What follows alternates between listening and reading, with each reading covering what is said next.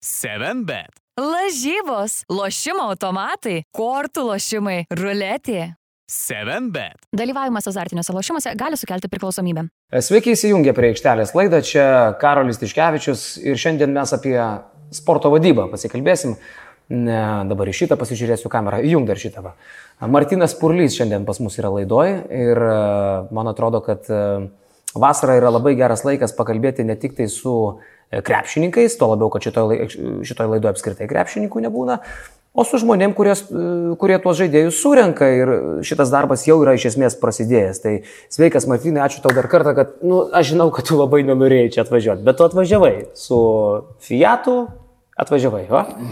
Kažkaip atvažiavau į šitą prūsų gatvę. Jo. Ja, sako, pas mus čia kažkaip žmonėm ten per duobės reikia užėti visą kitką, bet kai atvažiuoju į ofisą, tai visiems kaip ir patinka. Tai vad gal ir pirmas klausimas, kaip tas basketinius lygis, ar jis yra pakilęs, kaip įvertina žmonės atvažiavę iš Cido arenų. Ne, tai viskas čia tvarkoja, aš pirmą kartą pas jūs svečiuosi, bet uh, nebuvau prieš tai kažkokiam tai ofise, bet čia viskas labai, labai faina, tikrai. Jauku. O tavo gyvenime būna pauzė krepšinį? Gali kada sustoti? Turi atostogų realiai, kada tu nieko nedarai, kas susijęs su kažkiu? Ne. Užknisa šiaip, ne? Kažkas, man atrodo, Valinskas yra pasakęs, padaryk savo darbą hobį ir nereikės dirbti. Tai man patinka, ką aš darau, aš domiuosi, aš visą, visą gyvenimą su krepšinyje. Tai tik tai kažkiek kitokią formą, kažkada buvau žaidėjas, po to perėjau į kitą pusę administracinę pusę, kažkada agentų dirbau šiek tiek, tai visą laiką tas gyvenimas apie krepšinį, bet ne tik pas mane, bet ir mano šeimoje, tai ir mano draugai, tai nežinau, tai man tai visas tas krepšinis yra kaip ir gyvenimo dalis. Gerai, tai apie tą gyvenimo dalį aš va šiandien paėmiau ir prisirašiau visokių, tai čia e, pastebėjimų, paskirčiau šitą mūsų laidą pakalbėti ir apie vadybą, ir apie sporto vadybą Lietuvoje, nes, na, nu, įdomu pasikalbėti, kaip pat, pavyzdžiui, pats tu vertini tą lygį ir ko mums trūksta šaly. Ir aš net pabaigai pasilikau galvoju, kad galėsim net pažaisti žaidimą, kas būtų, jeigu aš būčiau Lietkabelio komandos vadovas arba vienas iš tų, kuris komplektuoja. Aš netgi pasidariau sąrašiuką žaidėjų, kurie, pavyzdžiui, šį sezoną, ši, šią vasarą galėtų papildyti Lietkabelį. Okay? Bet pavarom nuo pradžių. Ką tik baigėsi finalas, dabar jau atslūgo visos emocijos. Aš suprantu, kad finalo metu apie daug apskritai net kalbėti negali, nes yra kažkokiu dalyku, ką galbūt slepia klubas.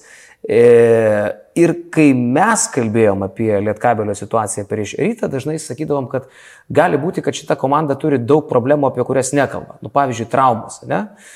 Kiek dabar jau galima sakyti, kad Gagičius buvo traumuotas nuo pusfinalio rungtynių su Žalgiriu, kai susižeidė koją? Kiek e, Lipkevičių žaisti negalėjo, kiek Gedraitis Davidas realiai žaisti negalėjo. Nes atrodė, kad tai yra daug lėtesnė komanda, negu šiaip šį sezoną prieš rytą e, mes matėm Lietkabelį. Tai galima imti pirštus ir, ir lenkti. Tai jo. Orelikas, Gedraitis, Berzinč, Gagič, iš dalies Lipkevičius buvo ir, ir tam tikrų problemų. Va, tai penki žmonės, kurie turėjo problemų, vieni daugiau, kiti mažiau. Jeigu įmant kiekvieną atskirai, tai Dovydui operaciją reikia daryti, čiurnos valymą šią savaitę. Ten nėra nieko ypatinga, bet jam, bent jam skaudėjo. Gedui Orelikui irgi buvo tam tikrų tenai problemų, tokių laikinų, kuriam reikia laiko užgyti. Kasparui buvo ten uždegimas dešinės alkūnės, negalėjo mesti, automatiškai rotacija sumažėjo, kas irgi buvo labai svarbu tokiam etape. Gagičio irgi tenai buvo šiokių tokių problemų, kurių negalėjo pilnai treniruotis, kai negali pilnai treniruotis pilna jėga, tai atsiliepia formai visiems be jos. Nu tai va tą įmy vieną, antrą, trečią, ketvirtą, penktą, gauni kažkokį platesnį vaizdą ir tada gauni rezultatą. Bet tai, atsakai, tarsi Dovydui Gedraičiui nieko labai ypatingo, bet reikia operacijos. Tai tos traumos ar mikrotraumos jos atsiliepia realiai aikštelėje. Tai buvo dalykai, su... ar tai buvo tokio lygio susižeidimai, kurie kito lygio rungtynėse, tarkim, reguliaraus sezono rungtynėse, krepšininkai išimtų iš rotacijos ir žaidė jie tik todėl, kad tai finalas. O tai reikia žiūrėti, kad kiek laiko ta trauma e, tęsiasi ir kiek laiko tu žaidži treniruojasi, jeigu gali treniruoti su mhm. skausmu. Mhm. Kai kurie žaidėjai prieš varžybas leidosi nuskausmančius tam, kad galėtų normaliai be skausmo žaisti. Po to rehabilitacija. Kai kurie žaidėjai finalo pusinorio metu nesitreniruodavo tam, kad uh, užglaistyti skausmą ir kad būti pasiruošusiam rungtynėms. Mhm. Tai, tai va, čia yra daug, daug dalykų. Aišku, Davido atveju tai tik tai, na, nu, aišku, reikia operacijos, tenai, nors ir kosmetinės, bet vis tiek jinai yra būtina. Tai yra skausmas, mačiau, kaip jisai kesdavo skausmą, būdamas labai labai kantrus žmogus, bet irgi jo veidas, kaip grįždavo ant soliuko iš aikštelės, jau būdavo toksai perkriptas to skausmo ir, na, nu, buvo kaip buvo. Šiaip Radičevičius visą sezoną tokiu perkreiptų veidų irgi bėgiojo ir aš girdėjau E, Kleizos e, mintį sako, nu, jeigu žmogus negalėtų žaisti, tai jis jau ir nežaistų, tuo labiau, kad tai yra legionierius. Gal kažkiek tame tokios vaidybos ar savęs pateikimo buvo Radičevičiaus veiksmuose šį sezoną? Kiekvienas mes esame e, savai reaguojame į skausmą. Mhm. Ne? Jeigu Davidas ne, neparodo savo skausmo, tai kitas galbūt daugiau išreiškia, bet tai, tai nieko nereiškia, kad jisai vaidina ar nevaidina. Taip toliau, paprasčiausiai mes tokie nu esame žmonės, vieni intravertai, kiti ekstravertai. Tai jeigu prisimant Niko, kada jis gavo traumą, jis gavo traumą per KMT, berots pusfinalį mhm. ar ne, antram kėlinį per pertrauką suleido nuskausminančiai ir jis ėjo toliau žaisti. Pasakoje, aišku, reikėjo tenai dviejų mėnesių, dviejų su pusė, kad jisai vėl išsigydytų. Kainavo, tai mus kainavo tą patekimą į finalą. Bet uh, sakau, Niko būdamas užsieniečių, tai padarė viską, kad mes patektume į finalą. O Gagičius jis irgi finale pastebimai išlūpčiojo. Kiek, kiek dabar jau galim kalbėti? Nes tada atsimenu, Čianakas sako, viskas tvarko, iš čia prašo keitimo visada, nu ne visada. Jis manęs net paklausė Čianakas, ar aš matęs Lietkabelio rungtynių ir sakau, visas treneriai. Ja. E, Gagičius pastebimai prašydavo keitimo sužaidus penkias minutės pirmam kelinį, e, jau pusfinalyje. Tai čia buvo dalykas tas, kad sužalgė. Dalinai. Gavo aš, man, aš manau, dalinai. Gal ta, ta trauma nebuvo labai rimta, bet aišku, tai atsiliepia jo fiziniai kondicijai. Jeigu žmogus negali pilną jėgą treniruoti, tai aišku, jis negali ir išlaikyti tos savo fizinės kondicijos aukštam lygiai ir tada per varžybas tai atsiliepia, ar ne? Tai viskas susideda. Dar apie finalą šnekant. Turėjot ketverias rungtynės iki finalo su rytų šį sezoną, buvo 2-2. KMT pusfinalis fantastiška pergalė. Atrodė lygios komandos iš esmės. Aš net pasižiūrėjau, kad šį sezoną iki finalo su rytu buvo e, trys mačai, kurie baigdosi dviejų, trijų ir keturių taškų skirtumais. Nu, tai ir visi skaičiai, ir atkovoti kamuoliai, ir trajekai, viskas lygybė. Prasideda finalas ir mes matom rytą bėgantį, tada jau ir apie tą fiziškumą visi pradedam staukti, nes pažiūrėk, koks čia rytas, visi čia jauni Radzevičius, Butkevičius, Normantas, kaip čia jie apstumdo, kaip čia koks čia greitis, Lietkabelis niekur nespėja ir staiga jau atrodo, kad tai yra skirtingo lygio komandos. Mm, mes šnekam tarsi apie traumas, bet rytas tą patį gali sakyti, nes rytas irgi turėjo traumuotų žaidėjų, galų gale prisiminkim, Laisneris iškrito, atrodo ir kairys kažkuriuose rungtynėse iškrito anksti dėl susižeidimo, visi turėjo tų problemų. Tai kaip iš esmės paaiškinti tai, kas atsitiko finale? Aš šiek tiek gal eičiau um, iki bal nuo balandžio pradžios pradėčiau mūsų etapą ir palyginti su rytu, jeigu taip galima padaryti. Mhm. Žiūrėk, mes dabar balandžio pradžioj turėjome uh, labai svarbią išvyką į Hamburgą ir tiesiai po to išvyką į Paryžių. Tai, bus, tai sprendėsi mūsų Europos taurės likimas, kurią vietą užimsime. Tai. Tai vis grįžę, sekančią savaitę skrydom į Boloniją. Vėl tai yra svarbios rungtynės, tai, kurios reikalauja ne tik tai fizinių, bet ir emocinių lygų. Tai buvo laikas, kai jūs per kokias aštuonias dienas užžaidėte gal ketverias, penkerias rungtynės. Taip, toliau grįžę, mes balandžio pabaigoje turėjome rungtynės su Žalgeriu, su, su Rytu. Taigi vėl tai yra svarbios rungtynės, ar ne, kurios lemia mūsų galutinę padėtį. Prisiminkime, kokia buvo įdomi pabaiga, nes nežinojom, kas kokią vietą užims ir kokia intriga buvo. Toliau, gegužės pradžią, mes pradedam playoffs. Pradedam playoffs su Utena. Rimtas varžovas, gera mm. komanda nors ir 3-0, bet kiekvienos rungtynės buvo žiauriai, žiauriai įtemptos ir vėlgi tai reikalavo ne tik, taip, ne tik tai fizinio, bet ir psichologinių jėgų. Ok, einam toliau, pusinarį turim žalgerį, komentarų nereikia. Ir jeigu lygintim e, su rytu, gerai, rytas iš čempionų lygos balandžio mėnesį jie iškrito. Jie turėjo LKL, vienos rungtynės, ten kai kada gal dvi rungtynės per savaitę su LKL komandom Jos, jie stabiliai ruošiasi, jie, jie neturėjo tiek svarbių rungtynių balandžio mėnesį ir jie turėjo, mano galva, nesakau, kad jie ne, nepelnytai laimėjo, jie pelnytai laimėjo, jie čempionai, viskas tvarkoj, bet lyginant mūsų pasiruošimo kelią, ką mes nuėjome iki finalo ir ryto, mes turėjome sunkesnį kelią. Ir tai atsiliepia, mano galva, tai atsiliepia. Pridedam visas šitas tvarkaraštį ir pridedam visą traumatumą, ką mes turėjome. Aišku, rytas irgi turėjo, bet galbūt nesako ten, bet nebejoju, kad, kad turėjo. Plus, man labai patiko kažkieno mintis, kad sako, jūs kai laimėjote su žalgariu pusinarį, sako, jūs jau galėjote taurę kelti tada, sako, jūs jau viduje buvote čempionai, nes, nu, laimėti seriją prie žalgarį pirmą kartą, visą tą visą mes jau žinome, reikia vėl atrasti jėgų, laiko reikia, kad koncentruotis ir dar vienam kalnį, dar vieną kalną užlipti. Tai taip tai sunku buvo. Šiaip turbūt dar reikia pridėti, kad finale buvo daug nuvylusių žmonių. Man, pavyzdžiui, nesakau, kad šokiravo, nes tai buvo ne pirmas kartas šį sezoną, bet gal kiek nustebino, aš mačiau to žmogaus kilimą, kalbu apie Panajotį Kalaidzakį.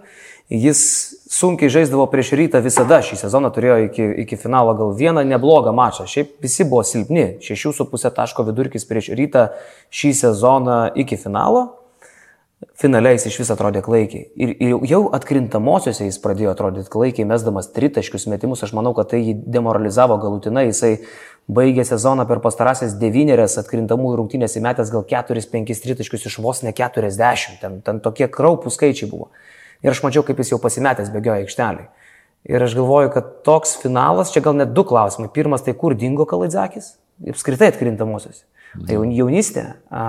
Ir antras dalykas, Ar nėra taip, kad šitas užhypintas žmogus, kuriam jau kontraktus ir Panatinaikos ir Olimpijakos dalina, po tokių atkrintamųjų turi labai gerą progą grįžti į žemę ir tuo pačiu gal net ir nusimušti, ne tik tai, sakykime, savo sparnus apsikirpti, bet ir tą kontrakto vertę šiek tiek, būsimo kontrakto vertę susimažinti, juk tokia galimybė irgi yra. Ne? Po to, ką pamatė visi didėjai. Tai tu atsakėjai būdų klausimus. Idealiai, žinai, tai jo, pirmas dalykas, kad yra jaunystė, jo, jisai Prisiminkime, kur jisai buvo lygiai prieš metus, ar ne, nuskaikim, 21 metų vasario mėnuo, tai yra kedainių nevėžys ir, ir, ir taip toliau. Taip. Prisiminkime netgi praeitą vasarą ir jo pradžią, kokia sunki jo šito sezono pradžia buvo, tai ir po to kokį žingsnį jis dėjo ir mes liktais bandome suprasti ir, kaip sakyti, įvertinti tą, kad jis jau turi žaisti ir, ir visas rungtynės. Nu, ne, tai finalinės serijos playoffai tai yra kita įtampa, kita, kita atsakomybė, tai ir ne visi žaidėjai tuo iš karto gali tą padaryti. Tai vėlgi mes esame skirtingi. Jeigu Davidas ramus, jisai kitokio temperamento, jisai kaip mašina. Eina, jis ten bus, padarys savo, atsisės ir viskas. Tai panosas daugiau jis yra toks emocingesnis, jo gal tas kultūrų skirtumas, mentalitetas. Jam reikia laiko, kad priprasti prie įtampos. Tikrai garantuoju, kad Olimpijakos Panatinaikos, tai visi kalbos, kokį šią kontraktą siūlo ir ten Eurolyga tikrai nepridėjo prie jam irgi pliusų prie šitoj situacijos. Jūs jas girdėjo? Taip, labai tai aiškiai. Ne tik girdėjo, manau, kad ir, ir kalbėjosi, ir su agentu, ir, ir agentas jam duodavo tas, tą informaciją. Tai, tai viskas tas yra žmogiška labai. Bet toks jo pasirodymas, kiek jam dabar 21, 3? Jo, 99 jis yra. 99-23. Tai toks jo pasirodymas e, nepadidina šansų jam likti. E, aš žinau, kad jie minimalus buvo. Gal jie atsirado likti lietkabelį? Ir taip ir ne. Vėlgi, čia mes gal jau šitos situacijos nelabai kontroliuojam, kaip lietkabelis. Vėlgi, tai visų pirma, tai priklausys, kas bus treneris. Ne? Jeigu lieka Čianakas, tai tada, sakyčiau, yra daugiau šansų, kad išlaikyti panusą, nes Visi žaidėjai, jeigu nori pasilikti, jie žiūri, ar tenai ir kitam klubė žiūri į trenerį. Kalbasi, kokią rolę bus, ką treneris žada ir tada modeliuojasi, kur jam geriau. Tai, e, tai sakyčiau, šansų yra, bet manau, kad nuo Čianako daug kas priklauso. Kada Čianako sprendimas bus? Manau, kad šią savaitę išaiškės. O, toj pat, tai kažką tai žinote, ne? Linko suka jisai. 50-50. Tai čia nemažai, nes atrodė, kad tikrai paliks komandą. Kam atrodė? O, tarsi susidomėjimas didelis, vokiečiai ten kažką tai svirpia. Ne? Didesnis negu paprastai buvo susidomėjimas, bet buvo klubų, jo, kur atmetė pasiūlymus. Tai ir kaip yra. Grįžtant dar prie Kalaidzakio temos, jis padarė žiaurę pažangą vasarą. Mes kalbėjome, atsimenė, per vasarą, kiek jisai daug dirba ir koks jisai kitoks turėtų žengti į naują sezoną. Kokios šito žaidėjo lubos yra? Ką, pavyzdžiui, fizinio rengimo treneriai išneka, ką išneka Čianakas, galų gale pats turi didžiulę patirtį, ne? Kokios šito žaidėjo lubos ir galimybės, pavyzdžiui, jau kitą sezoną būti dar vienu mutavusiu Kalaidzakio variantu? Tokiu, kokį mes pamatėme, pavyzdžiui, rugsėjo mėnesį. Nu, gal lapkritį. Aš suprantu, kur tu lenki. Aš negaliu būti labai objektivus, nes labai norėtume mes turėti Kalaidzakį ir kitais metais. Ir aš sakyčiau, kad jam dar per anksti įeiti kažkur į kitą, į Eurolygos klubą ir tai parodo, tai parodo vat, finalinė serija playoff, mm. ar ne? Vis dėlto reikia sustiprėti ne, ne tik tai fiziškai, bet ir psichologiškai ir būti pasiruošusiam ir užtikrintai eiti į kitą lygį. Aš sakyčiau, kad Panusui dar būtų gerai pasilikti prie gero trenerio Europos tauriai, jeigu lieka Čianakas, tai prie Čianako.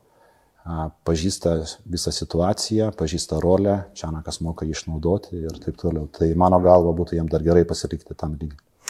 E, Gediminas Orelikas, jeigu sakom, kad Klaidzakis jaunas ir perdegė, Gediminas Orelikas tarsi patyręs, bet man atrodo, kad irgi perdegė. E, aš Vilniuje net jį kalbinu po didžiosios e, pertraukos, jisai sako, mes turim nusiraminti, turim sugrįžti į save, jis kalba taip tvarkingai, užtikrintai, kaip patyrė žaidėjas, tada prasideda trečias kelinys.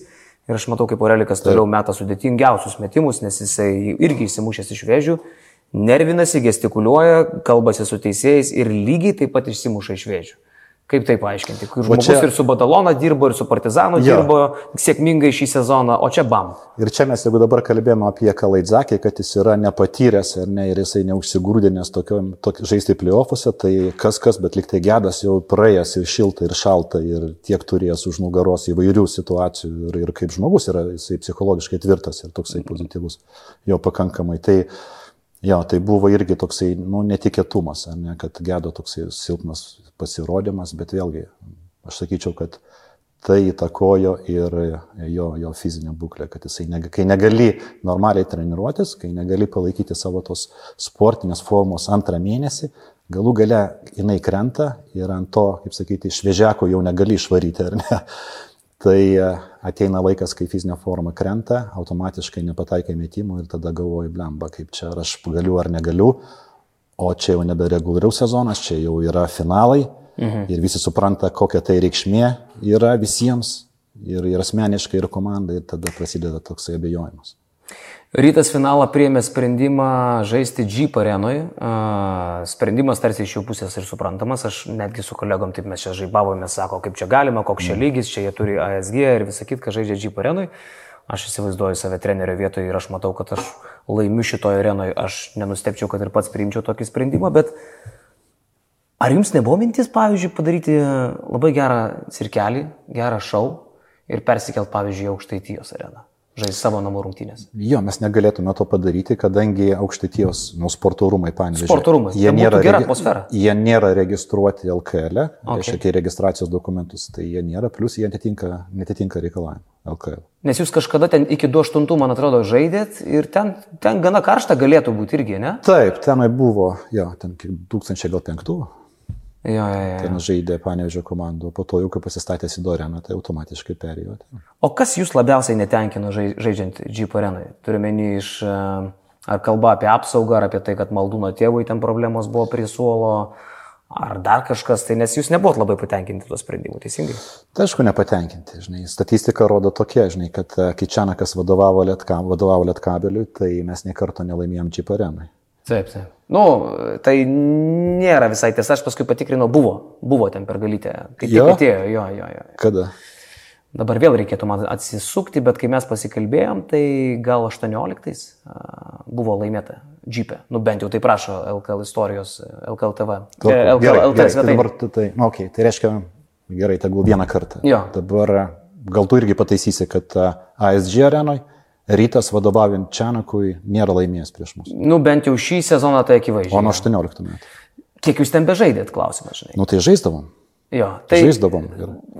Aš tiesą sakant šito labai netikrinau, bet, jo. bet nenustepčiau, kad taip galėjo būti. Gal vieną kitą pergalę. Bet tai rodo vis tiek, statistika rodo, kad mums geriau žaisti didelėje arenoje, rytui geriau žaisti mažoje arenoje. Mes treniruojame Sido arenoje, pripratę prie erdvių, rytas atvirkščiai.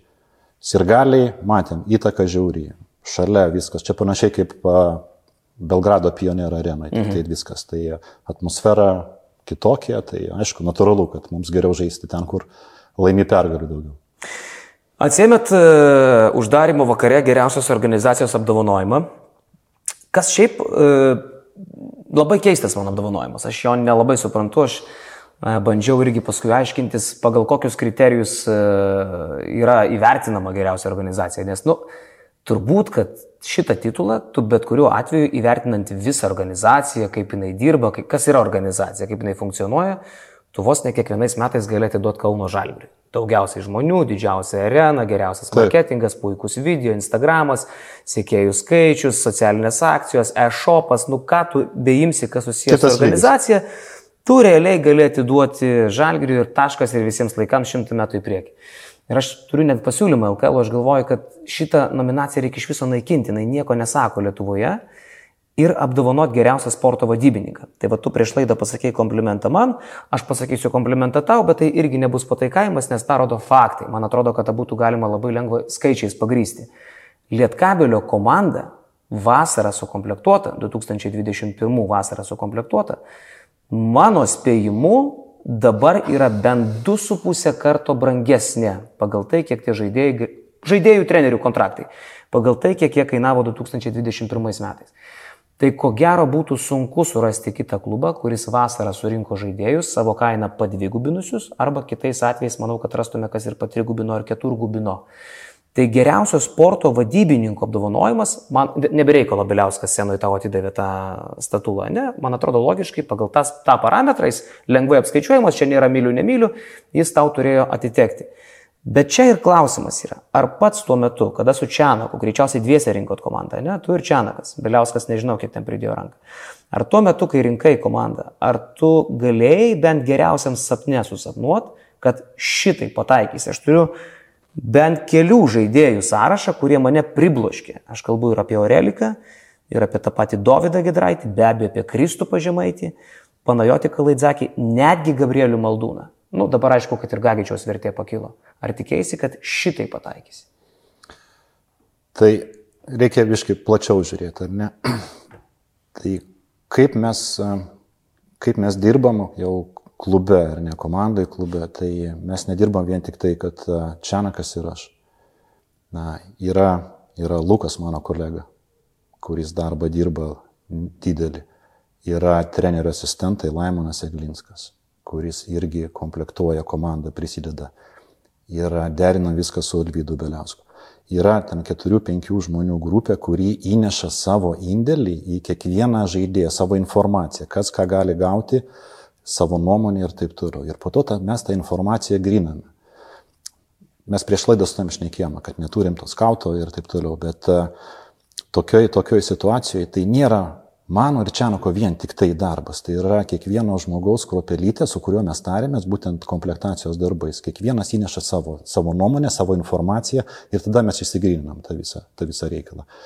Tai, tai vad kalbant apie tą sporto organizacijos ten tą apdovanojimą visą, tai aš sakyčiau, kad tai yra, mūsų administracija yra maža pakankamai, ja, tai mes negalime tenai skirti daug, daug resursų ir taip toliau. Tai vad būtent treneriai atlieka irgi tam tikrą vaidmenį to skauto. Savo žinias įneša. Tai va tai va tokia ta mūsų ir toks ta mūsų nuopelnas. Ir aišku, viską derinam su Alvydu. Kai kam gali atrodyti, kad Alvydas tenai nes, nesupranta krepšinį, jisai tenai toli galbiškai, bet jisai turi akį ir jisai, kai kada tokių savo žvilgsnių sakė, ne, arba taip šitas, kodėl. Ir tada pasako taip, taip, taip, taip.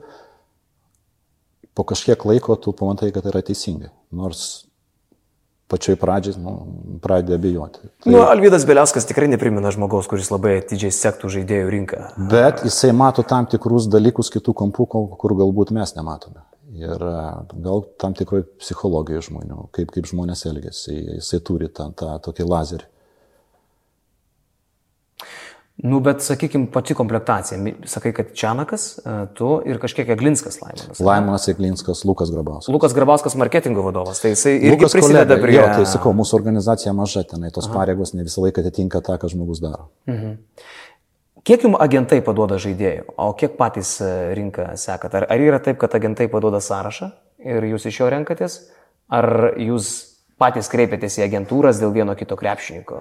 Ar jūs, sakai, skauto vaidmenį atlieka Glinskas kažkiek, ar ne? Ar jūs Gilinatės patys į rinką daugiau mažiau, ar tik gaunat sąrašus ir iš jų įmat? Ne, ne, aš nesakyčiau, kad kaip tu sakai, kad skauto vaidmenį atlieka Eglinskas. Mes sakykim, taip, skauto vaidmenį kiekvienas atliekam dalinai, iš, va, tai iš ką aš išvardinau. Tai kažkiek tai mes kiekvienas esam skautų. Bet tikriausiai ne vienam klubui nereikia lietuvių žaidėjų sąrašų, ar ne, LKL, nes mes nu, visi žinom, kas yra lietuviai. Tai, na, tikriausiai nenadui nereikia eks-Jugoslavijos sąrašą, nes jisai žino puikiai.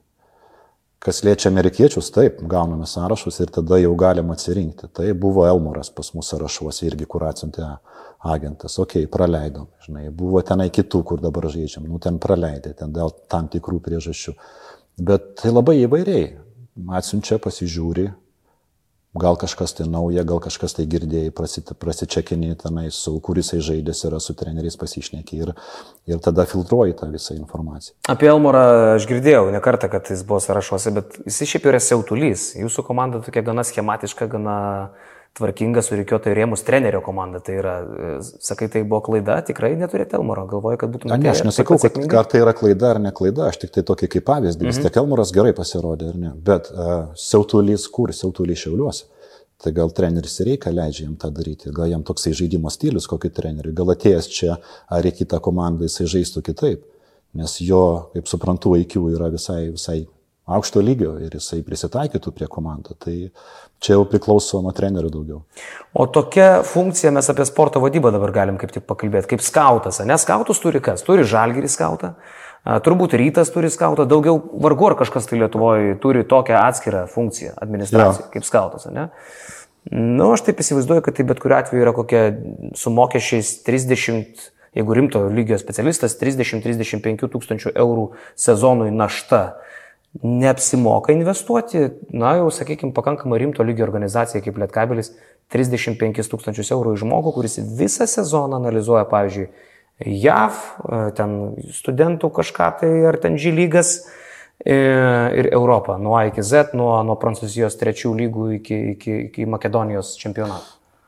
Tikrai nepamaišytų, Bet sakyčiau, šituo atveju mes turėtume tada turėti ir... Ir dar įsiterpsiu truputėlį. Ir taigi būtų proga, pažiūrėjau, kartą, nu, aš čia tiesiog spėlioju. Ja.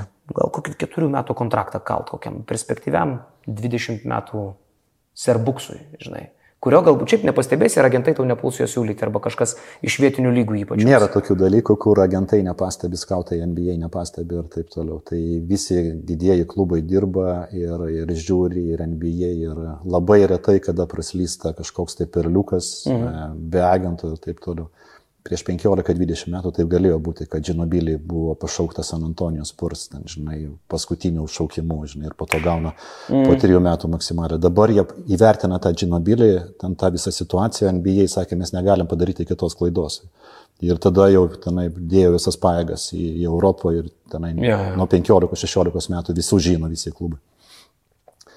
Tai va, tai mums nepamaišytų, aišku, bet realybė yra kitokia, kad uh, Tas, tas skautas būtų jisai funkcionalesnis, jeigu mes turėtume savo, sakykime, piramidę, taip, taip grubiai stariai, žinai, mokykla, sistema, dublerių komanda, kur galėtų tenai ir, ir ne tik tai užsienį dirbti, bet ir Lietuvoje čekinti, NKL, RKL ir taip toliau. Vat, vat tokius dalykus. Mhm.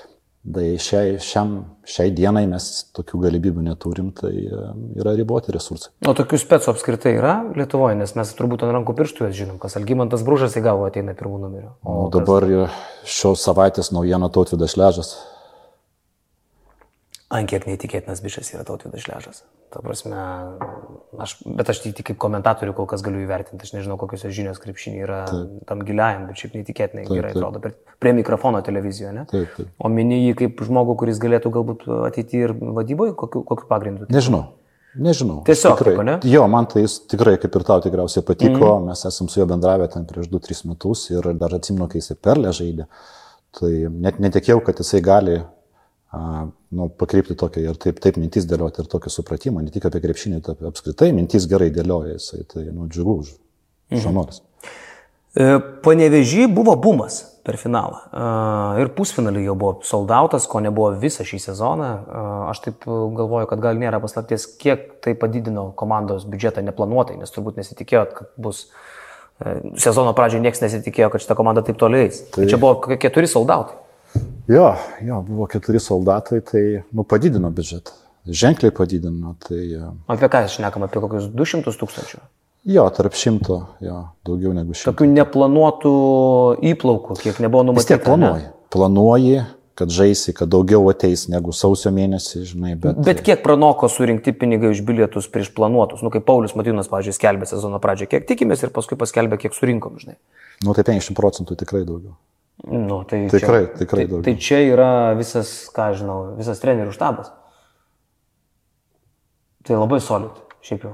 Tai atsimeni, kaip, kaip buvo sezono vidury, ar ne, kai žaidėm su Europos taurės turnyrė ir kai atvažiuodavo geras komandos ir, ir nesirinkdavo ir kažkam aš čia sakiau, kad Jofano, mes nieko nepadarėm daug, mes, mes darėm tą patį, ką viso sezono metu.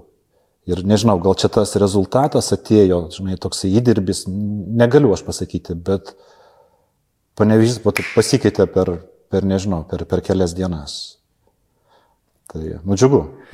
Nu, sunku tą panevežėti prisijaukinti. To atsakymo aš suprantu, kad ieškojot sezono metu, kodėl jie neina į areną ir, ir turbūt ir dabar nėra iki galo jo, ne? Ar turit kažkokį tai paaiškinimą? Vėlgi, čia galima kalbėti, diskutuoti tai pandemiją. Kovos dėl titulo, žinai. Pandemija, ten e, kainos per didelės, po to kainas dabar sumažinom, kai jau Sido arena tapo mūsų jau nebe partnerė, bet komercinė jau, jau kainos buvo nuomos, tai šiek tiek galėjome daugiau reguliuoti. Tai tas, žinai, tas galėjo viskas prisidėti.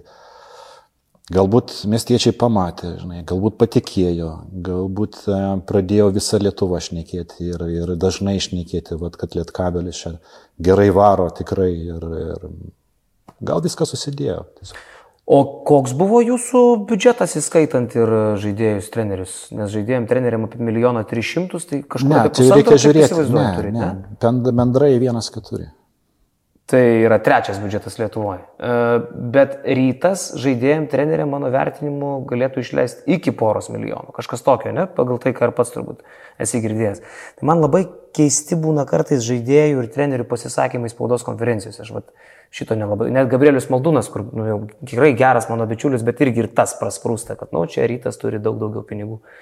Nu, tiek ir daugiau. 400 tūkstančių gal ir daugiau išleido žaidėjams, treneriams, ne?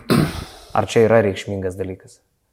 Nu kaip? Ar tiek reikšmingas, kaip pavyzdžiui Žalgeris turi 7,5 žaidėjams, treneriams? Jo, jeigu turi 7,5 ir tau kitas turi 7,9, tai nereikšmingas, ar ne? Ten, nu, žiūrim, jeigu du, turi 400, o kitas turi 800, tai, tai reikšmingas tada. Jo, jo. Bet žinai, sakykime, surytų šį sezoną 2-2, tai ar tas pinigų kiešimas čia jis labai svarbus ir ar tikrai čia toks jau reikalingas? Aišku, svarbus, bet tai, vėlgi, kaip tu su tais pinigais tvarkais, ar ne? Tai tu gali turėti ten iš tos 3 milijonus, bet, nu, negali turėti, nu, matai, kad nepataikė, o gali turėti už mažesnius pinigų ir matai, kad pataikė. Ir veikia net tie pinigai. Tai va tas, nu, ne, nelygų situacijai, reikia žiūrėti, kaip tu tuos išleidai. Gali 3 milijonus ten ir Eurocapą laimėti, ne, aš sakau kaip pavyzdį, žinai. Žinai, nu, tokius nu, dalykus. Nu, būna, žinai, būna stebuklų, žiūrėk, nu, rytas 2009 metais su panašiu biudžetu Himkė nukalė 18 milijonų. Nu, panašiai situacija. Bet žinai, kaip tai labai jokinga su rytų ir Himkė. Sako vieni, kad buvo 35. Himkų biudžetas, kiti sako, kad 50, Jonas Vainauskas ką tik taip sakė laidoje, dabar jau 18, žinai. Nu, aš, tas Himkų biudžetas ne, ne. yra didžiausia mistika pasaulyje. Ne, tai čia jo, negali sakyti iš tikrųjų, nes jie gal patys nežino, kiek jie turėjo, žinai, jo. tuo metu. Tai... Bet daug turėjo tikrai. O kaip galvoju, milijonas keturi šimtai tūkstančių, čia nėra kartais lubos, ką lietkabelis e, gali turėti. Tai nėra viskas, kad, iš, kad šitoj, šitoj rinkoje Lietuvoje panevežys nu, nelabai gali iš kažkur ištraukti daugiau pinigų. Ne, tai nėra lubos. Kiek galvotum galėtų būti potencialas, kiek šitą komandą galėtų turėti ir kokiu būdu, pavyzdžiui? Nes čia turbūt yra esmė, nu nuo to viskas prasideda. Tai jo, tai turim tikslą iki 2 milijonų kitam sezonui. Nežinau, kitam kaip tai, sezonui. Taip, nežinau, kaip tai pavyks. Nu, turim tokį užsibriežti, užbriežę tikslą, bet uh, dabar kaip vyksta procesas. Vyksta formavimas. Nežinau, kaip pavyks. Kol kas dėl to ir mes nesame tokie aktyvūs rinkoje, bet tą galima padaryti. Bet aš sakau visą laiką, kad yra du rėmai Jeigu žiūrint apie klubo biudžetą, iš kur gaunam pajamas, ne, tai pirmas dalykas tai yra savininkas, kur labai svarbu, kad būtų savininkas, kuriam rūpėtų, kuris galėtų ne tik tai savo, bet ir pritraukti kitų pinigų, kaip pavyzdžiui, Gedvydas Vainauskas buvo, ne? Jisai sugebėdavo pritraukti rytą visą laiką iš, apli, iš aplinkui, taip ir taip. Okay. Ir antras dalykas. Vėliauskas tai atlieka tokią funkciją. Tai Jis duoda pats ir, tai ir atveda remėjai. Taip, mhm. taip. Antras dalykas tai yra savivaldybė. Lietuvoje be savivaldybių pagalba, vienokia ar kitokia forma, nu, neįmanoma turėti didelio biudžeto ir pasiekti gerų, nu, aukštų rezultatų. Tai vad du dalykai. Tai sakyčiau taip, kad klubo prezidentas ir savininkas tikrai gerai atlieka. Puikiai atlieka ir, ir surenka, ir renka. Ir dabar tik tai reikėtų, panežiai, miesto savivaldybei biški pasitemti. Mm, tie skaičiai nėra paslaptis, mes juos visi žinom, jie yra vieši skaičiai, kad jūs gaunate apie 300 tūkstančių, 306 tūkstančius iš miesto savivaldybės. Taip, tai yra mūsų tas pirminis 306 tūkstančiai, nuo kurio mes tenai galim skaičiuoti ten jau po to visus kitus dalykus priedus, bet jeigu mes pradėtume skaičiuoti, taip, tai yra 306 tūkstančiai ir tada jau galėtume lyginti su kitais miestais. Bet objektyviai tai yra blogai. Kedainiai duoda ne ką mažiau, na šiek tiek mažiau, bet miesto dydžiai gerokai skiriasi. Jeigu masteliais lyginant, tai net prienai duoda pakankamai nemažai pinigų, apie 700 tūkstančių, tik mažiau negu jūsų savivaldybė. Tai Nu, čia turbūt yra pagrindinis dalykas, kurį, kurį turit pasididinti. Yra potencialas savivaldybei duoti daugiau pinigų. Kokios kalbos? Aš nežinau, iš tikrųjų, mes ir kalbamės, ir argumentus sakome, ir daug argumentų sakome, ir kad va čia yra sportiniai rezultatai, ir žinomumas, ir Europos taurė, ir kiek renginių mieste mes padarome. Koks, koks dabar susidomėjimas, va, balandį buvo gegužė, nu tai visas panevežys gyvena. Taip ar ne? Ir tai yra, mes būsime vėl vienintelė komanda Europos taurės turnyrė, kuri atstovaus Lietuvai, Žalgeris, Rytas, mes, nu tai vis tiek. Tai, bet vat, kalby, kalby su jais ir, ir gauni atsakymą, sako, nėra pinigų. O turbūt anksčiau ekranas daug tų pinigų pasimdavo, panevežė ekranas. Jo, bet ekranas. Dabar futbolo... situacija pasikeitė. Jo, dabar yra futbolo klubas panevežys, kuris gauna tiek pat, kiek mes. Taip. 10 tūkstančių mažiau ten, žinai, sakykime, tai vėlgi, nu, 7bet lažybos, lošimo automatai, kortų lošimai, ruletė, 7bet. Dalyvavimas azartiniuose lošimuose gali sukelti priklausomybę. Bet, bet čia, žinai, gali būti, kad savivaldybė atsiduria tokioje situacijoje, kur patys savo susidarė struktūrą, mat sportui duodam tiek ir nedaugiau, ir na, pats supranti, kaip ta mašina kartais sunkiai važiuoja. Taip. Ar čia užtenka vien tik tai vieno, dviejų žmonių noro, čia gal reikėtų, kad, nežinau, pati savivaldybė būtų didesni krepšiniai stroliai. Vėlgi, čia yra panevežė miesto savivaldybės irga požiūris, ar ne? Gal jiems um, užtenka, gal net iš tikrųjų neturi galimybių padidinti ir vat, čia yra savivaldybės tokios ribos. Nu, nėra pinigų, tai nėra, nu, neprigaminsi, ar ne? Tai tada reikia su tuo susitaikyti. Tiesiog, nu, ir, ir sakėmės, ir, ir merų, ir, ir, ir kai kalbėjome su kitais savivaldybės darbuotojais, tai jūs tik tai pasakykite, kad panevežiai nėra sąlygų, nėra galimybių ir mes tada irgi nu, įvertinsim ir nu, nebe, nebeskaitysim, pušinsime jūsų, kad neįrodysnėsime, kad mes čia esame tokie ir tokie ir tokie. Nu, vat, yra tokia situacija ir viskas. Tai, sako, nu jo, sako, būtų gerai turėti Europos taurį viską, bet galimybių nėra. Bet šiaip jūs daug susirinkat iš rėmėjų. Aš dabar taip greit galvoju, primečiau procentais maždaug, kaip tai atrodo, ne? Sakykime, Žalgiriui savivaldybė duoda apie 3 milijonus eurų. Teisingai pataisyk mane, tu vis tiek tos skaičius geriau žinai iš rinkos vidaus, ne? Iš bilietų Žalgiris gerą sezoną susirenka 4 e, milijonus, buvo ir 6, nu imkim 3,5 šį sezoną, ne? Žalgirio biudžetas yra apie 10, vadinasi, Žalgiris dar apie 4 mm, milijonus susirenka iš e, remėjų patys. Tai yra daug, solidžiai, bet jūs nu, surinkat apie milijoną šimtą. Nepamiršk, kad yra premijos premijas, kurias gauna iš Eurolygos, yra ženkliai darys. Teisingai, tai, taip, taip LKL. Būtent televizijos teisės, o dar nurašiau taip. Tai yra irgi ženkliai. Apie 3 milijonus žalgeris ko gero surinka privačiom lėšom, tai jūs surinkat milijoną šimtą, būdamas tik lietkabelis. Tai čia yra solidus dalykas. Ne, ne, ne, tai nu, vėlgi atmesk Vienas keturi, tai minusuojam 300, ar ne? Tada yra biletai, tada yra abonementai. Ok, milijoną surinkat. Ne, daugiau, mesgi kalbėjom, žinai, kad tenai biletai, abonementai, premijos, Eurocapo premijos, LKL premijos, tai viską tą minusuok irgi. Tai šiais metais gerai pavyko mums su LKL padidino premijų fondą, tai irgi ženklus yra dalykas. Ačiū Remigijui Milašiui. Ką mes nekėjome eilę metų, tai šį, jisai tą atsižvelgia. Tai tikrai tai yra ženkliai parama klubams. Mhm. Nu ir sakai, 2 milijonai. Tai čia viskas, vis, noras, tai čia viskas yra iš esmės į savivaldybę visus viltis. Ne, ne, ne, mes dirbam darbą. Mes dirbam darbą irgi ne tik tai su Panevežė, bet ir su kitom įmonėm ir su užsienio. Tai aš tikiuosi, kad turėsim irgi naujienų. Tai... Nu, pavarykit, Hebra, nes man atrodo, kad kautis šitaip sėkmingai kitą sezoną Nu, su tokiais pinigėliais sunkiai įsivaizduojama. Vis dėlto Badalona ten ką, 10 milijonų turi, ne? Partizanas irgi panašiai turėjo. Visos komandos Ankara buvo dvigubai turtingesnė, ar ten trigubai, ar keturgubai. Nu, žodžiu, turbūt tą sėkmės istoriją pratesti be pinigų realiai yra neįmanoma. Mes sezono pradžioje klikėm, kad šita komanda gerai, jeigu išeis į playoffus. Bet turbūt sutinki, kad pagrindo taip spėlioti, matant kitas komandas ir jų piniginės, nu, buvo, buvo. Tai nebuvo tiesiog, žinai, ply, plyšai maišyti Jo, dėl savęs. jo. Žinai, vienas dalykas, kad tu, kad tu matai ant popieriaus, kitas dalykas, kai, kai pamatai žaidėjus ir komandą aikštelėje, žinai, per treniruotės ir matai, kad nu, tą visą bendrą lygį. Tai, jo, mes, tai buvo labai ger, įdomu stebėti rūpiučio rugsėjo mėnesį komandos treniruotės, kai matai, nu, palyginti su, su praeitais sezonas ir matai, kad bendras lygis treniruotės yra žymiai aukštesnis.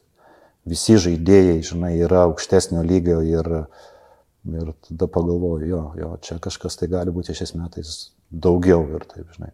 Bet dar vienas neturtingos komandos bruožas yra nieko neišlaikyti po gero sezono, ne?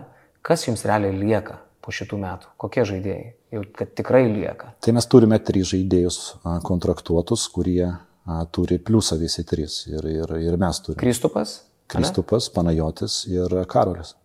Tai iš jų tikrai galėtų likti, tikrai. Tai Kristupas ir, ir Karolis. Dėl panajočio čia, kaip ir pats sakai, šansų labai nėra daug. Tai, tai dabar prasideda didysis darbas, ne? Aš galvoju, yra tas sąrašas lietuvių, kuris yra labai gerai žinomas visiems, nes jie žaidžia LKL. -ę. Tai čia mm, aš pat juos irgi pasižymėjau, kur turbūt nesudėtinga atspėti, kad jūs tikrai bandysit bent jau pasidomėti ir tikrai jais domitės. Na, Ignas Argiūnas, pavyzdžiui, ne? Prienai, nu, jau jam laikas išeiti iš ten, jis buvo kažkada su Juve siejamas, dabar aš manyčiau, kad jisai tikrai pas jūs galėtų atsidurti. Martinas Varnas, tas pats Mindaugas Girdžiūnas iš ryto, nežinau, kiek jo kaina, kokia dabar jinai galėtų būti, bet manau, kad po tokio sezono jis jums yra įkandamas. Ir pasižymėjau dar kelis tokius, kur galbūt nebūtų tokie akivaizdus, nes čia šitus, šitus kur paminėjau, aš garantuoju, kad jie yra sąraše. Bet kaip, pavyzdžiui, tokie variantai. Justas Furmanavičius, Dzukija ir Vitalijus Kozys, Jonava. Man atrodo, kylantys žaidėjai, kurie turi kūnus, turi daug noro, potencialo, galimybių tobulėti.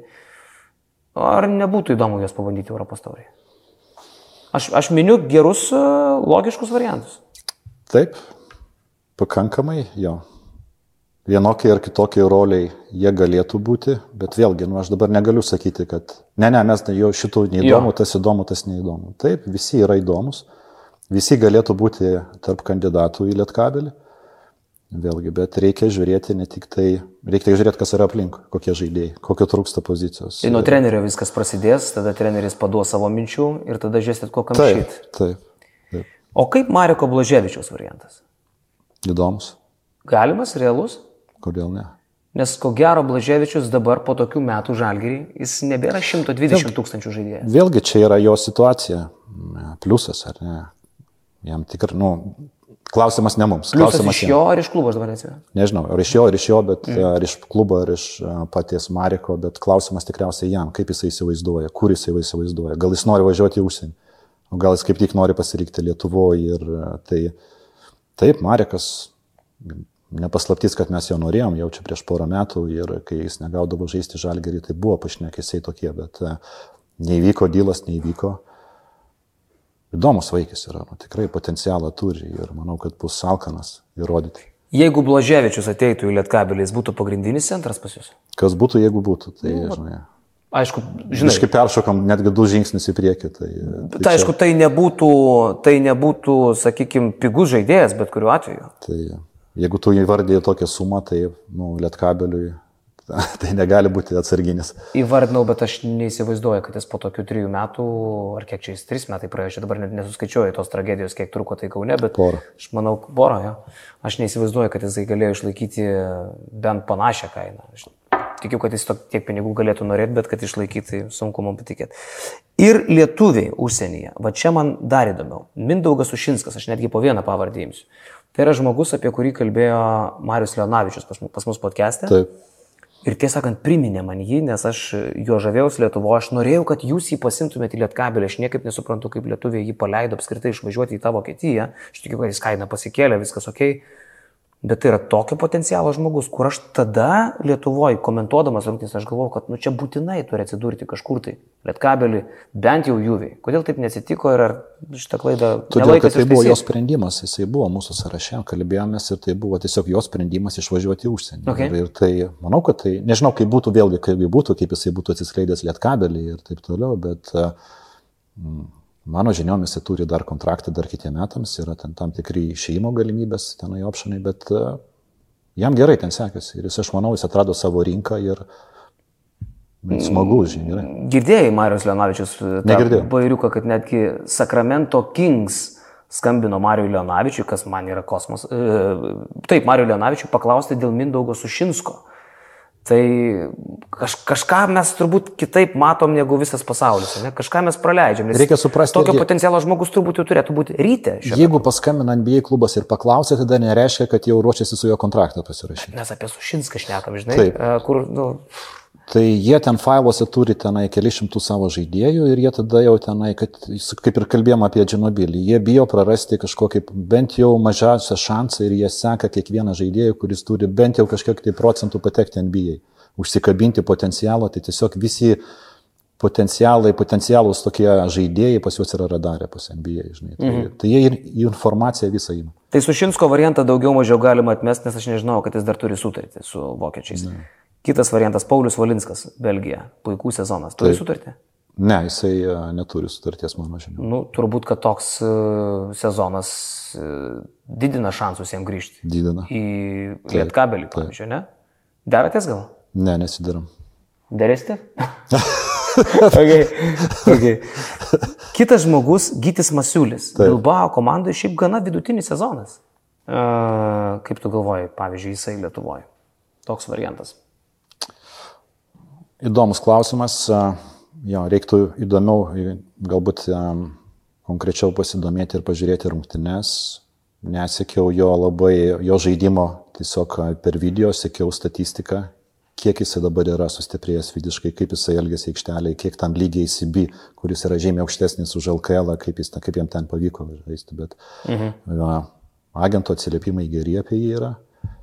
Tai žiūrėsiu. Jeigu išvažiuotų Džordžia Gagičius, aš perku Martyną Sajų.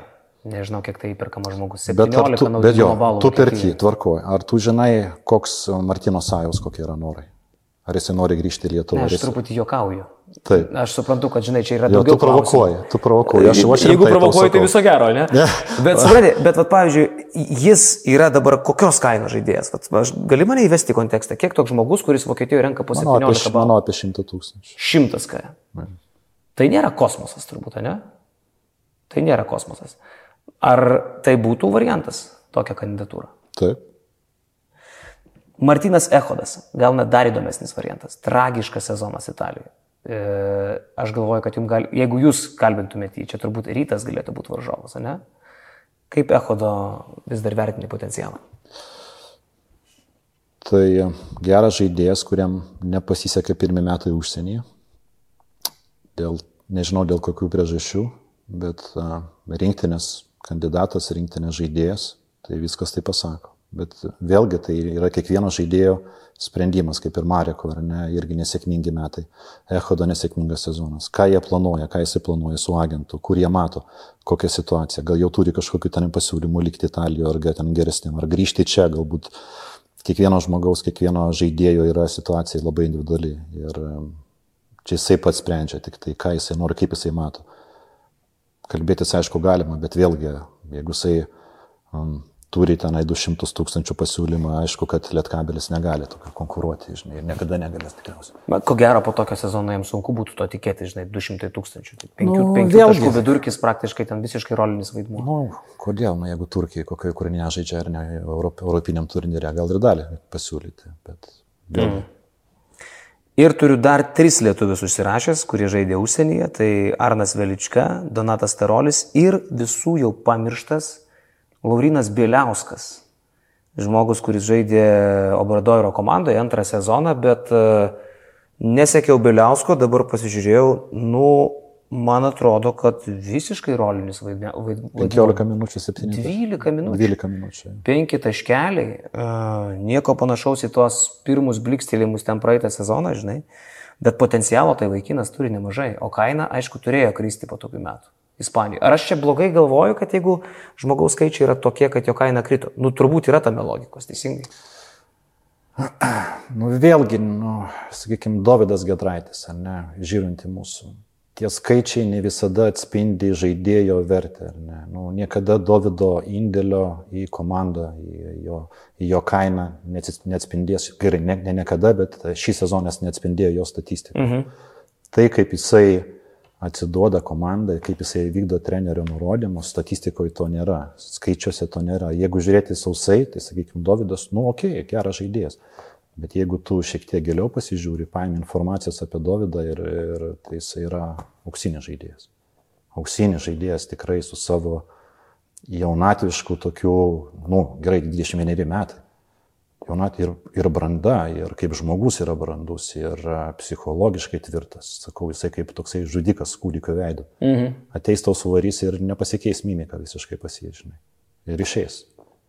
Miklovas sako, kūnas jam atrodo per smulkus, kada nors žaisti Eurolygui. Nu, tas kada nors tai turbūt a, skambiai pasakyta, nes tu niekada negali žinot, kaip tu per vasarą gali sutvirtėti ir pasikeisti, bet kai tu žiūri į Karolį Gedraitį, kuris šiaip yra, kaip sako, vėlyvo brandimo, tikrai liauno kūno ir netvirtėja, gal ir Davidas genetiškai negali būti daug didesnis arba sutvirtėti. Kaip tu vertini Davido galimybės su jo kūnu žaisti Sutvirtėti, Eurolygoje? aišku, gali jisai.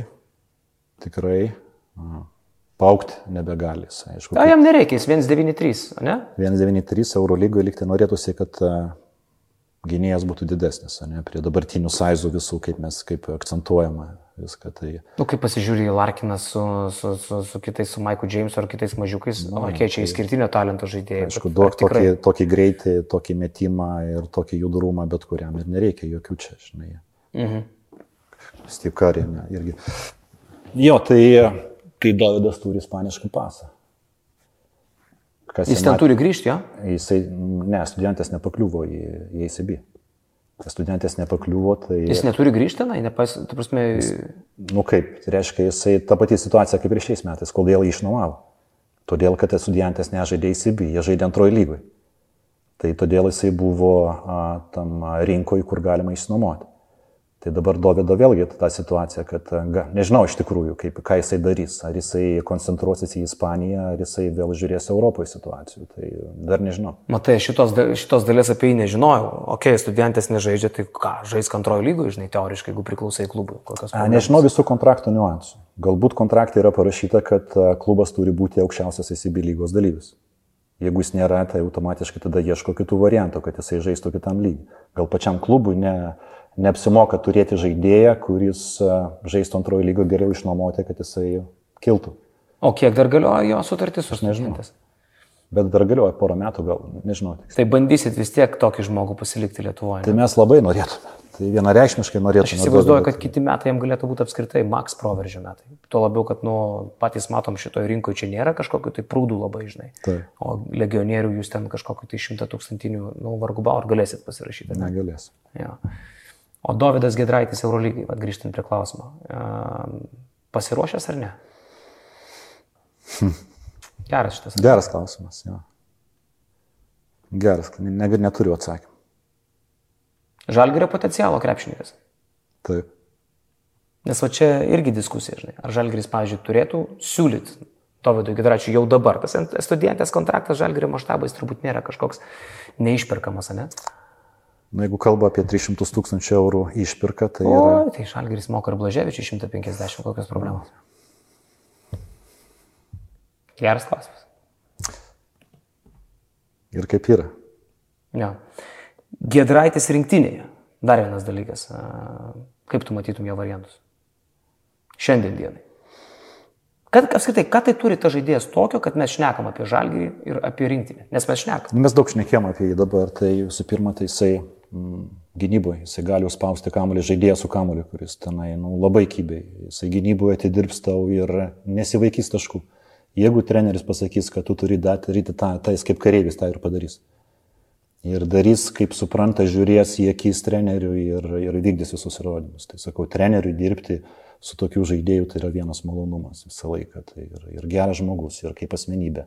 Nu, sakau, tai Bet gal Aukso gabalas. akiplėšos trūksta, žinai, savyje. Ne, Jeigu nu, klausai visų nu, nurodymų. Tai per KMT pusfinalį tai paėmė tą paskutinį metimą ir, ir priurbino ir viskas. Ir ramiai ir nuėjo visi ant suliuko. Tok- Tokiu Jis pačiu man, jis veidu. man tiesą sakant žiauriai patinka. Aš net galvoju, vat man ir įdomu, žinai, vat kur tokio bičio lubos, nes sako apie jo krepšinį vienas prieš vieną daug šneka. Aš gal kažką praleidau. Nežinau, aš to labai daug neužmačiau, kad jis vienas prieš vieną būtų koks nors geras streetballeris ir pats ten kažką labai susikurtų. Ar aš nepastebėjau šito? Gali susikurti. Kai kada net gal jam trūksta šiek tokio, tokio įžulumo, kai kada, kad e, paimti ant savęs atsakomybę ir, e, ir nuspręsti likimą. Ne? Kai kada gal per daug trenerių jisai žiūri, treneris man galbūt to, to nesakė, tai aš gal darysiu taip, kaip, kaip geriau komandai. Tai, tai čia, čia gal ateis su laiku tas visas, gal situacijos atsivertinimas, gal kai turės daugiau dar užtikrintumo, jisai jau galės sakyti, va dabar man laikas, aš dabar padarysiu. Susidėliau žaidėjus e, nuo, iki, nuo penkto iki pirmo, kurie mane labiausiai nustebino šį sezoną. E, manau, kad vienas iš tų, kuris turėtų likti jūsų laive, tai yra Gabrielius Maldūnas. E, tuo labiau, kad tai yra panevežėtis, ne? Penktoje vietoje jisai tarp nustebinusių nebuvo, kad Maldūnas pribloškė, nes mes tarsi ir žinojom, ką iš jo galima gauti. Jisai nėra ekstra klasės talentas, jis yra juodadarbis, labai gudrus žaidėjas. Bet nustebino mane jo metimas, kurį daug kas e, pradžioj bandė lyginti su Printezio, aš paskui pasakiau, kad Hebra užteks. Tai tiesiog yra maldūno metimas, tas puskaplis. Iš kur po Vilnių jisai atsirado tas metimas? Dar praeitą sezoną tokio jo nebuvo. O dabar meta maldūnas vieną rankelę, kad ir iš ten kokių keturių, nu, kaip, trijų su pusę metro, ramų, puskabliukas, bum, žinai. Kažkokia tokia, čia jau net ne Printezio metimai, jo? Nu, turi kažką iš tokio printeziško. Ne, ne, tai yra, žinai, žinai, nuo vienos rankos. Tai... Teoriškai, nu tai viskas, yra. kas yra flauteris, viena ranka šiek tiek pašokus į priekį, jau tarsi yra printezė. Taip, taip. Bet... Nuo vienos, jis, nuo vienos kojos, bet kai nuo dviejų kojų varai, žinai, tai... Čia jisai dirbo prie šito vasarą, kaip čia tas, ar čia tiesiog sezono metu kažkokiu būdu surado šitą ginklą? Aš manau, kad... Nemanau, kad vasarą kažką jis ten atidibinėjo tokį metimą. Nemačiau, kad jisai specialiai tą darydavo, darytų treniruotės metu, bet Gal tiesiog jisai pajutė, natūraliai jam tas gaunasi, kai ateina užtikrintumas, matai, kad, kad pavyksta, tai tada ir, ir natūraliai bandai tą padaryti dažniau. Ketvirtoje vietoje mane nustebinusių sąraše yra Gediminas Orelikas. Čia kylam laiptelio aukštyn. E, sena klišė, aš nesitikėjau, kad šitas bičias dar apskritai gali žaisti krepšinį tokiam lygiai, bet kalbu tik tai apie pasirodymą iki finalo, nes finale mm, didelis klausimas, kas jam atsitiko.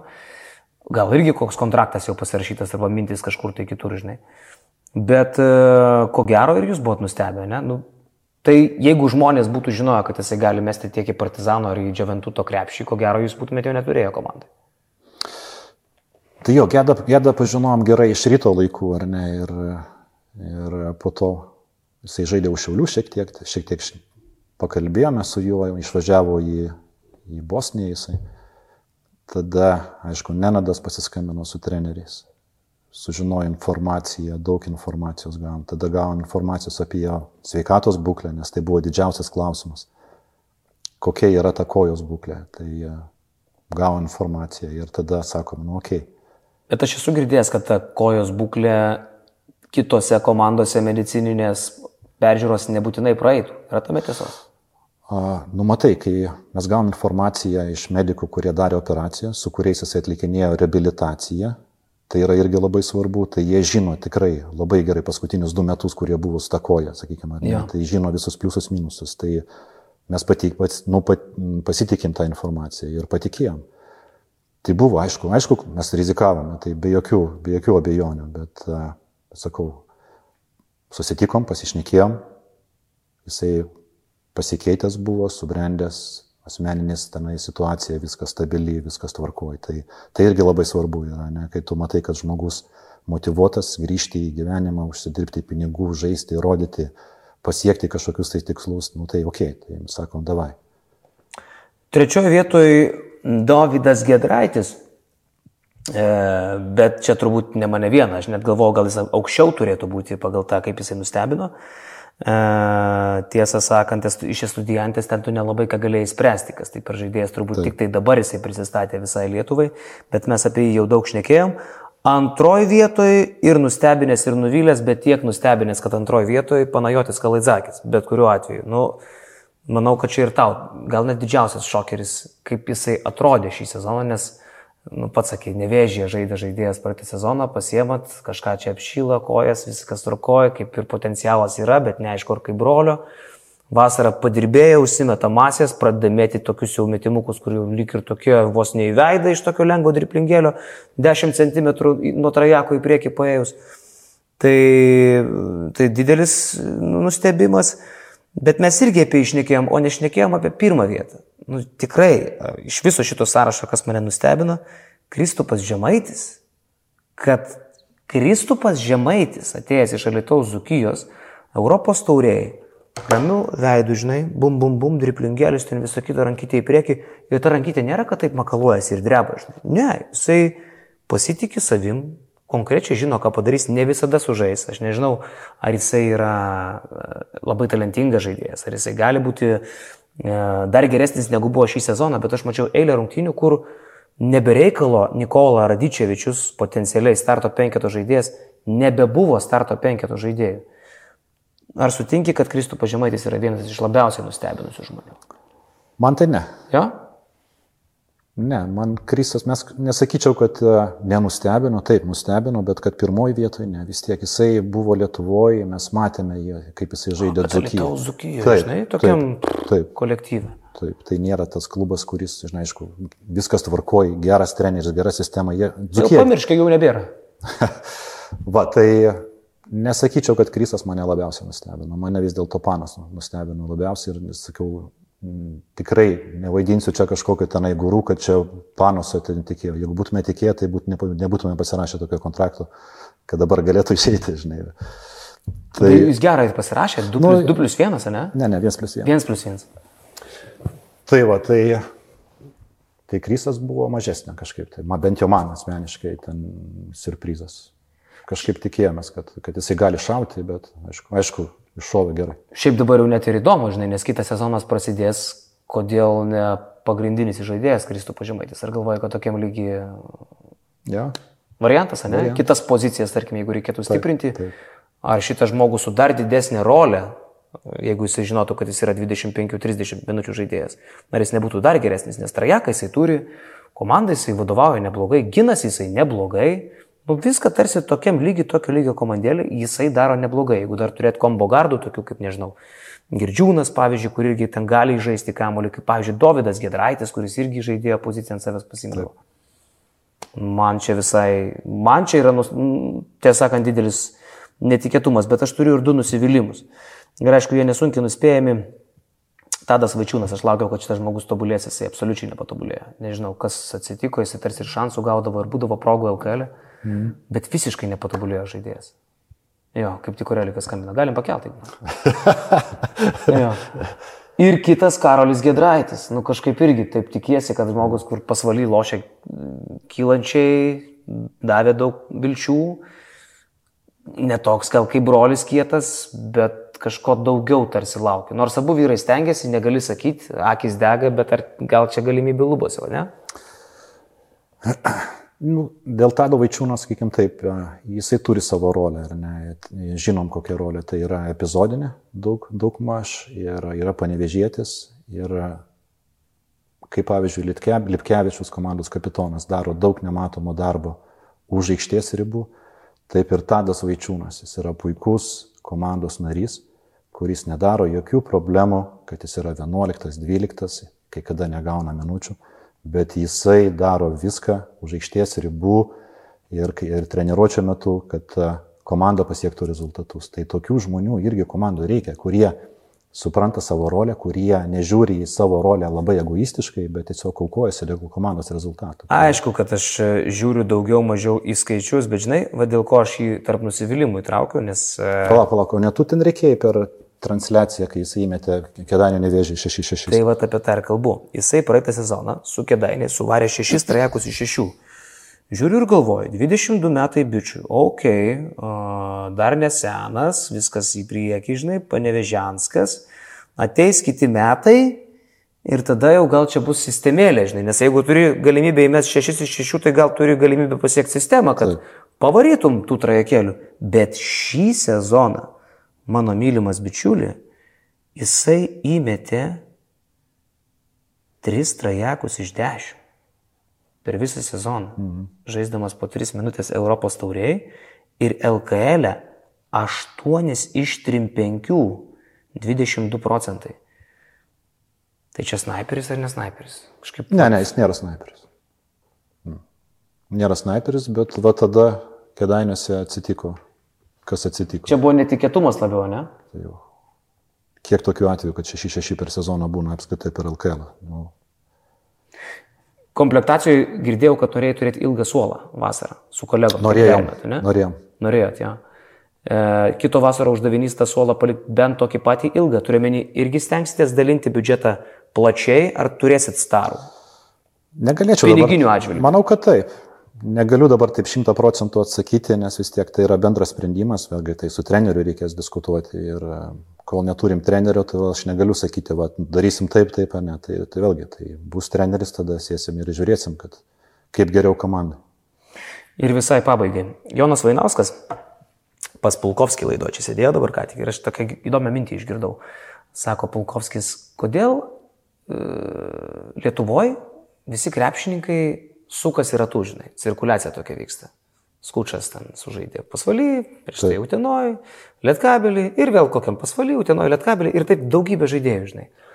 Ir Jono Vainausko mintis buvo, aišku, ten irgi bičias, kur ir arogancijos yra ir visą kitką, bet mintis, ko gero, kad yra visai teisinga. Sako, todėl, kad Lietuvoje trūksta vadybininkų, kurie viską pažiūrėtų plačiau. Ir Jonas turi žiauriai gerą argumentą. Nenadas Čianakas po šiai dienai dirba Lietkabelį, kaip mes Vainausko erą bevertinsim, bet jis surado bičią, kuris daug prisidėjo prie to, kad panevežys yra tokia komanda jau ne vieną sezoną. Ne? Taip. Ir dar dabar siekit visais įmanomais būdais jį išlaikyti. Kas yra su mūsų sporto vadyba, kad mes sukamės tam pačiam rate ir kaip Jonas Vainauskas sako, nepasižiūrime viską gal šiek tiek plačiau ir tokių čianakų pas mus net važiuoja daug. Mes turim tos pačius trenerius netgi eilę metų LKL. Kur bėda, sutinki, kad čia fantazijos trūkumas, kaip čia tą paaiškinti? Nu gerai, tai kad Čianakas yra lietkabelyje, tai yra pagrindinis pergalių kalvis. Tai, tai nenadas, tai viskas sukasi aplink jį ir visi laurai ir aplodismentai tikrai yra nuo jo viskas priklauso šitos pergalės, ką jisai subūrė ir kokius rezultatus pasiekė. Atrasti tokį antrą, nu tai yra kazino, ar ne?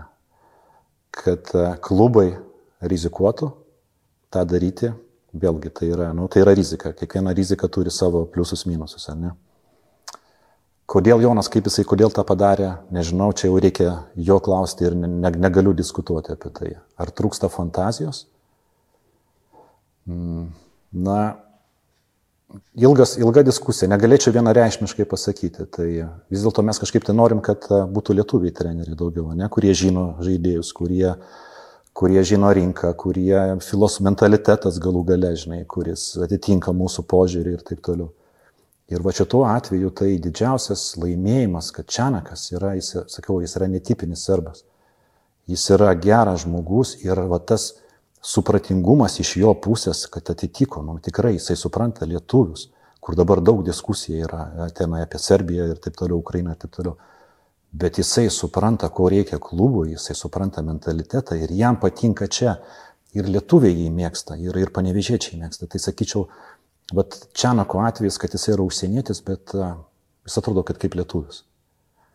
Kas yra svarbu, ar ne? Kitasgi atvažiuoja užsienietis ir jisai žiūri tai kaip ir toksai, nu čia mano viena karjeros stotelė ir man neįdomu ir taip toliau, ir tos širdies, kad kur žiūri, kur toliau. Ieško, kas čia blogai, nu su nenadu tokia. Tai vad linku aš link vedu, nu, kad nu, pasisekė ne tik tai kaip trenerių profesionalų, bet pasisekė kaip ir su žmogum. Kas yra nu žiauriai svarbu organizacijai, kad būtų žmogus, nu, kur atitiktų mentalitetą. Nežinau, aš tau atsakiau iš tą klausimą. Atsakė iš dalies. Tai aš galvoju, kad vienintelis variantas mums tos fantazijos ieškoti, tai yra tik tai Balkanų rinka. Nes uh, Balkanai kažką bendro su mumis turi, ne? Uh, amerikiečių tų kažkokių ten kačių maiše, maiše visada prisipirki, Lietuvoje jų pastoviai atsiranda, ne? Bet tokia gal mažiau ištyrinėta rinka, kuria Jonas Vainauskas, aš sakau, aš neturiu simpatijos Jonui Vainauskui, kuris tą labai gerai žino, bet faktai yra faktai. Balkanų rinka Jono Vainausko rankomis buvo labai neblogai pačiupinėjama, vis ten atsirasdavo kažkokių įdomių, įdomių variantų. Gal mes per mažai ten einam? Gal čia yra visai toks įdomus puodas, kuris gali LKL atvesti įdomių vyrukų? Ar tu, jeigu nebūtų Čianako, ar Gagačius ir Radičevičius čia užžaistų? Abejoju. Gagičiaus palauk, iki Čianoko dar nebuvo teisingai. Ne, ne, ne. Jo, jo, jo, jo. Vėlgi, tai reikia žiūrėti kompleksiškai, žinai. Nu, gerai, jisai Čianakas žino, kaip su jais šnekėti, kada šnekėti, kada, kada nu, žinai, tai čia vėlgi, tai net, tu negali žiūrėti labai vienpusiškai, reikia žiūrėti kompleksiškai. Tai. Jeigu ateina, pavyzdžiui, Štelmakeris, ne, nu, į bet kokį klubą ten, jisai, kodėl jis gali ateiti? Todėl, kad jisai yra Latvis, mentalitetas panašus, žaidęs Lietuvoje, treniravęs Lietuvoje ir pasvalį, ir perlą, ir taip toliau, seka, kodėl jisai negali, jisai gali ateiti, ar ne? Tai e, vėlgi, žinom, kaip žmogus, ką jisai gali, ko negali. Aš įimu, pavyzdžiui, tokį, nu, šviežų, šviežų pavyzdį kaip Štelmacherį, ar ne? Tai, nu, tai reikia žiūrėti, ką gali žaidėjas, nu, treneris, ar ne? Ir nuo to reikėtų pradėti vat, tą visą, visą statymą. Aš norėjau tokias, vat, šiandien smulkmenas, žinai, paliest, kur, vat, tokius kampukus susižymėjau, ne apie viską ir apie nieką, o apie tokius, žinai, čik, čik, čik, čik, čik. Tai dėkui tau. Reikia skambinti Orelikui. Ačiū visiems žiūrėjusiems. Žiūrėkit, kokią lentelę turiu. Tai čia vat ir palaikinkit, ir prenumeruokit kanalą. Nu ir aišku, BN Plus nariais tapkite. Ginesa dar, ne? Ne visi. BN Plus, ten daugiausiai visko.